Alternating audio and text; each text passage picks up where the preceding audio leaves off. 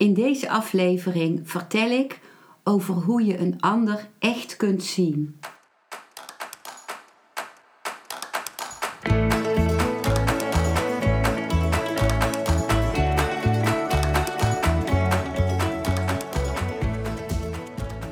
Welkom bij een nieuwe aflevering van Modita's podcast Van Pijn naar Zijn. De podcast waarin ik je meeneem voorbij de pijn in je leven naar wie je diep van binnen bent. Hoe kun je beter omgaan met je gevoelens?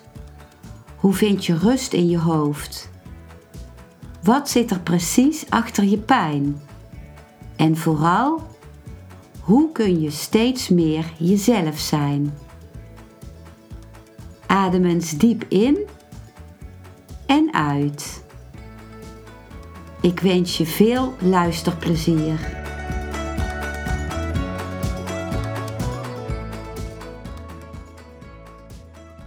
Het is niet gemakkelijk om een andere persoon echt te zien zoals die is. Een baby kijkt nog puur en heeft nog geen bril gevormd van oordelen, meningen en opvattingen die zijn zicht belemmeren. Maar tijdens ons opgroeien is het door onze opvoeding en scholing en inwijding in de maatschappij onvermijdelijk dat we een filter vormen, waardoor we de hele wereld vervormd waarnemen. Vanuit verschillende gezichtspunten reik ik je dingen aan die je kunnen helpen om een ander weer echt te gaan zien.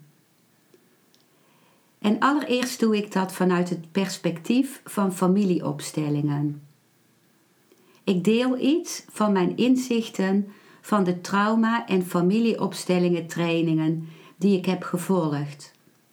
Inzichten die me veel gegeven hebben.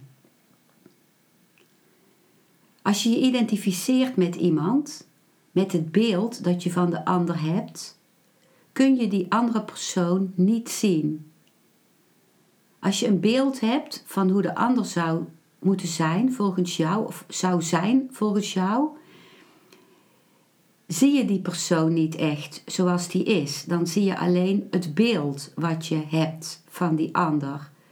Wat totaal iets anders is dan hoe die persoon is.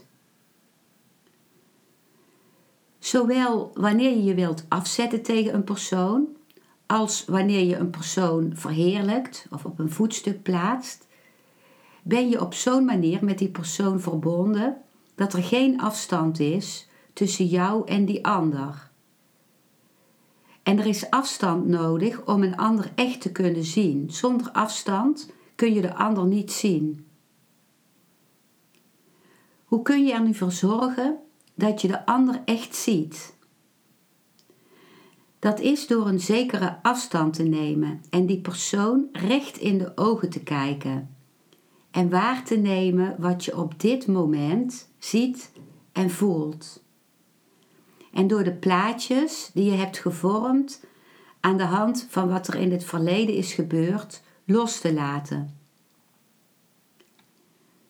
Als je je moeder echt ziet, dan kun je zeggen: Jij bent mijn moeder.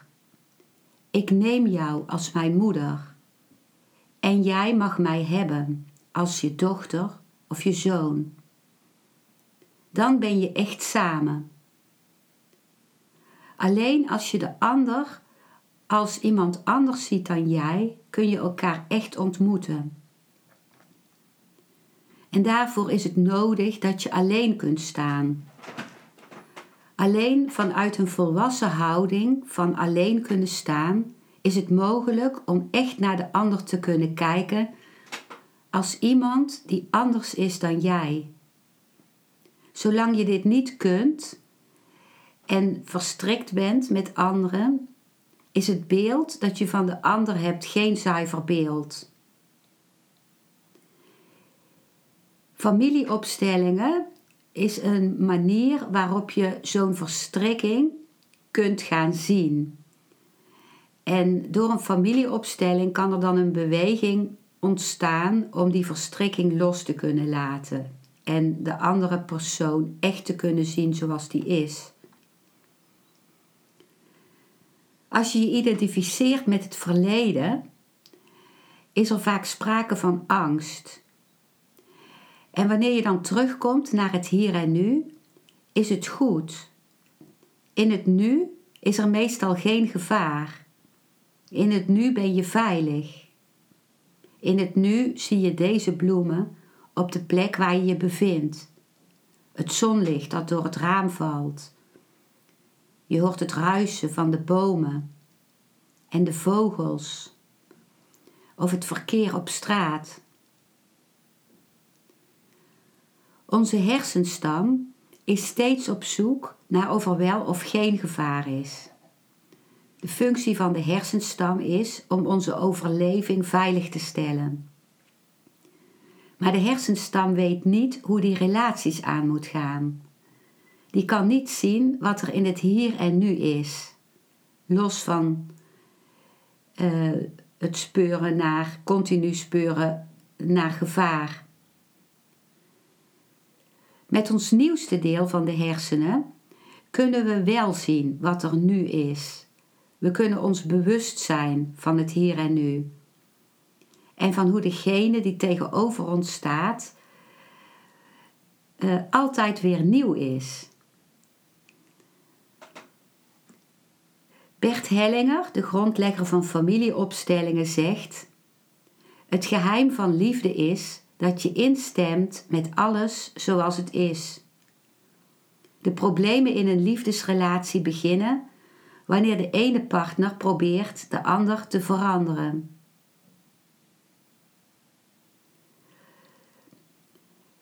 Hij heeft ook een mooie oefening gegeven daarvoor. En de oefening is: zie je partner zoals hij of zij is. Tevoren zag je de ander niet omdat je een bepaalde voorstelling had van die ander. Dan zeg je: Ja, ik hou van je zoals je bent. Precies zoals je bent. Nu, wat gebeurt er wanneer je partner tegen je zegt: Ik hou van jou zoals je bent, precies zoals je bent? Plotseling kan het stel zich ontspannen. Ze voelen zich veilig met de ander, omdat ze gerespecteerd worden zoals ze zijn. Precies zoals ze zijn. En dat is liefde. De ander accepteren zoals hij of zij is. En instemmen met jezelf, precies zoals jij bent. Dan de volgende stap je zegt tegen je partner: Ik hou van je moeder zoals zij is, en van je vader zoals hij is. Jij bent wie je bent, omdat je moeder en vader zijn wie ze zijn. Dan kunnen de partners zich zelfs nog meer ontspannen. Ze hoeven niets te verbergen van hun familie. Ze weten dat hun familie welkom is. Dat was de oefening van Bert Hellinger. Dan wil ik ook woorden van Osho, mijn spirituele meester Osho, aanhalen over dit thema van de ander zien zoals die is. En deze woorden zijn opgeschreven in het boek I Celebrate Myself God is nowhere, life is now here. In uh, hoofdstuk 3. Dus nu komen de woorden van Osho. Die kunnen helpen bij het zien van de ander. Op het moment dat je iets ziet, ontstaat er direct een oordeel. Je hoeft er geen oordeel over te hebben, maar het is bijna een automatisme geworden. Je ziet een roos en plotseling zie je een oordeel in je opdoemen. Dit is mooi. Maar op het moment dat je zegt: Dit is mooi, verbergt dit oordeel de roos. Het oordeel komt voort uit eerdere ervaringen met rozen. Maar dit is een nieuwe roos. Je hebt haar nog nooit ontmoet. Zij is nog nooit op deze aarde geweest. Voor de eerste en laatste keer is ze tot expressie gekomen. Je mag dan wel rozen gezien hebben, maar deze is niet hetzelfde. Al je oordelen over andere rozen zijn verzinsels van je geheugen. Het robotachtige komt in je op. Dit is mooi. Het is niet zo dat je de schoonheid ervan hebt begrepen. Dat je existentieel in direct contact staat met haar schoonheid. Dat je ogen absoluut puur zijn en zich verheugen over de schoonheid van de roos. Je oordeel komt naar voren en daarmee vernietig je de roos. Je oordeel staat tussen jou en de roos in en je bent verdwaald in vroegere herinneringen aan rozen die je eerder hebt gezien. Maar dit is er niet één die je ooit eerder bent tegengekomen. Elk oordeel is gericht op het verleden en het bestaan is altijd in het hier en nu. Het leven is altijd in het hier en nu. Alle oordelen komen voort vanuit je ervaringen uit het verleden, je opleiding, je religie, je ouders, die misschien al dood zijn, maar hun oordelen worden door je mind gedragen en zullen als erfgoed aan je kinderen worden doorgegeven. Generatie na generatie wordt elke ziekte als erfgoed overgedragen. Alleen een niet-oordelende mind heeft intelligentie, omdat die spontaan reageert op de realiteit. Dat waren de woorden van Osho en wat hij zegt over het zien van de roos kun je ook toepassen natuurlijk op het zien van een ander mens. Ik wil nog een uh, ander stukje tekst van Osho delen. Wat gaat over het accepteren van de hele persoon. Dit zijn Osho's woorden.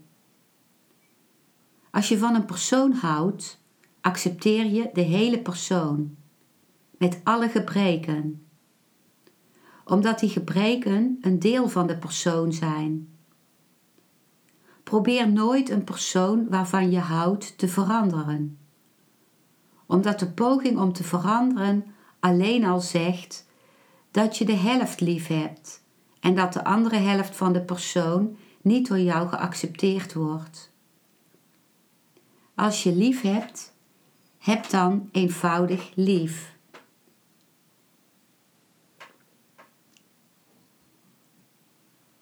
Wat ik van Osho geleerd heb, is het oefenen in het zien van de ander alsof je hem of haar voor de eerste keer ziet. Zelfs wanneer je al 40 jaar met die persoon getrouwd bent. Je kunt ook oefenen daarin met in het uh, eerst met iets anders dan een persoon. Dat is gemakkelijker. Dan kun je oefenen in het alles zien, alsof je het voor de eerste keer ziet, als je op weg gaat naar je werk of naar de supermarkt. Het is zo'n mooi uitgangspunt als je je realiseert dat de ander elk moment weer anders is.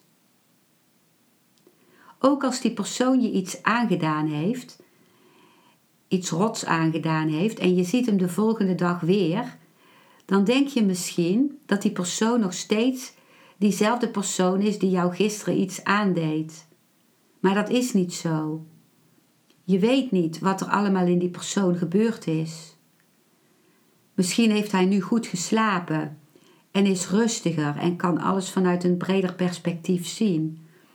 Of misschien heeft hij spijt van wat hij gisteren uh, jou aan heeft gedaan. Maar als jij nog met het beeld rondloopt van wat een rotpersoon die me dat geflikt heeft, als je die persoon de volgende dag weer ontmoet, dan gaat die ander, zelfs als hij zijn excuus had willen aanbieden, bij het zien van jouw oordelende blik, meteen weer terug in dezelfde positie als die van de vorige dag. Dus omdat jij nog in het verleden zit, wordt die persoon daardoor ook weer teruggetrokken in het verleden.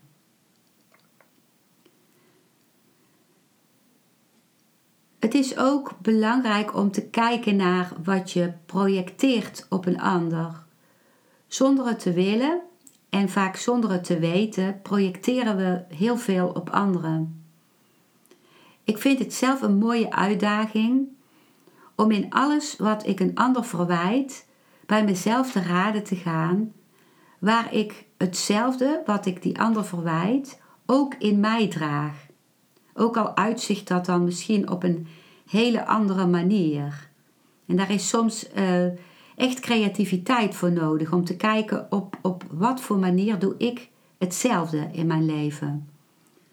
En als ik dat onderzoek, dan geeft me dat altijd opluchting. En vaak tovert het ook een lach op mijn gezicht, een, een, lach van herkenning. Ook wel vaak een soort schaamtelachje, omdat ik eh, voel, oh, oh, ik heb dit ook in mij. En het besef dat ik niet zoveel anders ben dan die ander, maakt me ook nederig en brengt me ook dichter bij de ander. Als je op een ander lijkt, dan ben je ook dichter bij de ander. En dat betekent zeker niet dat ik niet kwaad kan zijn, of gefrustreerd of gekwetst. Vaak ben ik dat in eerste instantie. Dus het is niet zo dat ik dat dan meteen uh, doe meestal. Van kijken van, oh, waar zit het ook in mij? Nee, ik wil gewoon eerst mijn kwaadheid ook kunnen voelen. Of mijn frustratie of de pijn. En dat is ook kostbaar om te voelen. En dat zorgt dat, dat ik een, een mens ben. Of me realiseer dat ik gewoon een mens ben met zo'n groot scala aan emoties en gevoelens. Als laatste van deze aflevering wil ik een mooie oefening noemen. Uh, die je kunt gebruiken bij het ontmoeten van de ander. Die ik kreeg in een workshop. Uh, die ging over de ogen, alles wat met zien te maken heeft. Van een oogarts in het uh, Osho Internationale Meditatiecentrum in Pune in India. Dat is jaren geleden. En het is een oefening ten, uh, die gaat over de ruimte tussen jou en de ander. Het gesprek met iemand anders wordt vaak heel lastig en benauwend als je direct naar de ogen van die andere persoon kijkt, uh, als je dat tenminste continu doet tijdens het praten. Dat komt omdat de ander dan geen bewegingsruimte meer heeft. En jij zelf verliest dan ook het gevoel van ruimte om je heen, omdat je zo gefocust bent op die ander. En in plaats daarvan, dus in plaats van direct naar de ogen van de ander te kijken, kun je eens experimenteren met te kijken naar de ruimte tussen jou en de ander. Je wordt je dan bewust van de ruimte tussen jullie in, op het moment dat je met die ander praat. En misschien als je deze oefening hoort, dat je dan denkt van, oh, als ik dat doe, dan voelt die ander zich misschien niet gezien. Maar in die workshop oefenden wij daarmee in tweetallen. En het, het wonderlijke was dat de ander zich juist wel gezien voelde, uh, omdat hij zich kon ontspannen in rust, in, in een rust van ruimte die er ook was tijdens het gesprek. Dus ik nodig je uit om hiermee te experimenteren. En als je het te, te spannend vindt om dat direct te doen in een live contact, dan kun je het ook uh, gemakkelijker maken voor jezelf door het eerst te oefenen met als je iemand opbelt. En om je dan te richten, in je, aan, je aandacht te richten op de ruimte die je voorstelt tussen jouw oren en die oren van die ander, die aan de andere kant van de lijn zit. Ik ben benieuwd hoe dat uh, voor je zal voelen. Dit is wat ik in deze aflevering wilde zeggen over het echt zien van de ander. En mocht je iets uh, uit deze aflevering aanspreken, dan wens ik je veel goeds met het integreren daarvan in jouw leven. Dankjewel voor het luisteren naar deze aflevering. Ik hoop dat hij je een nieuw inzicht of perspectief heeft gegeven. Ik hou van interactie, dus als je iets wilt delen, Stuur me dan een mailtje op info.genietenvanmeditatie.nl. Ik geef je dan altijd antwoord. Ik wens jou dat je vreugde in het dagelijks leven zult ervaren en innerlijke rust. En dat je steeds meer je pijn zult kunnen omvormen in zijn. Je kunt de afleveringen van deze podcast volgen via Spotify, Google Podcast, Apple Podcast en Podbean door op de volg- of abonneerknop te klikken. Als je luistert via de Apple Podcast, dat kan alleen als je een iPhone hebt, heb je een extra voordeel.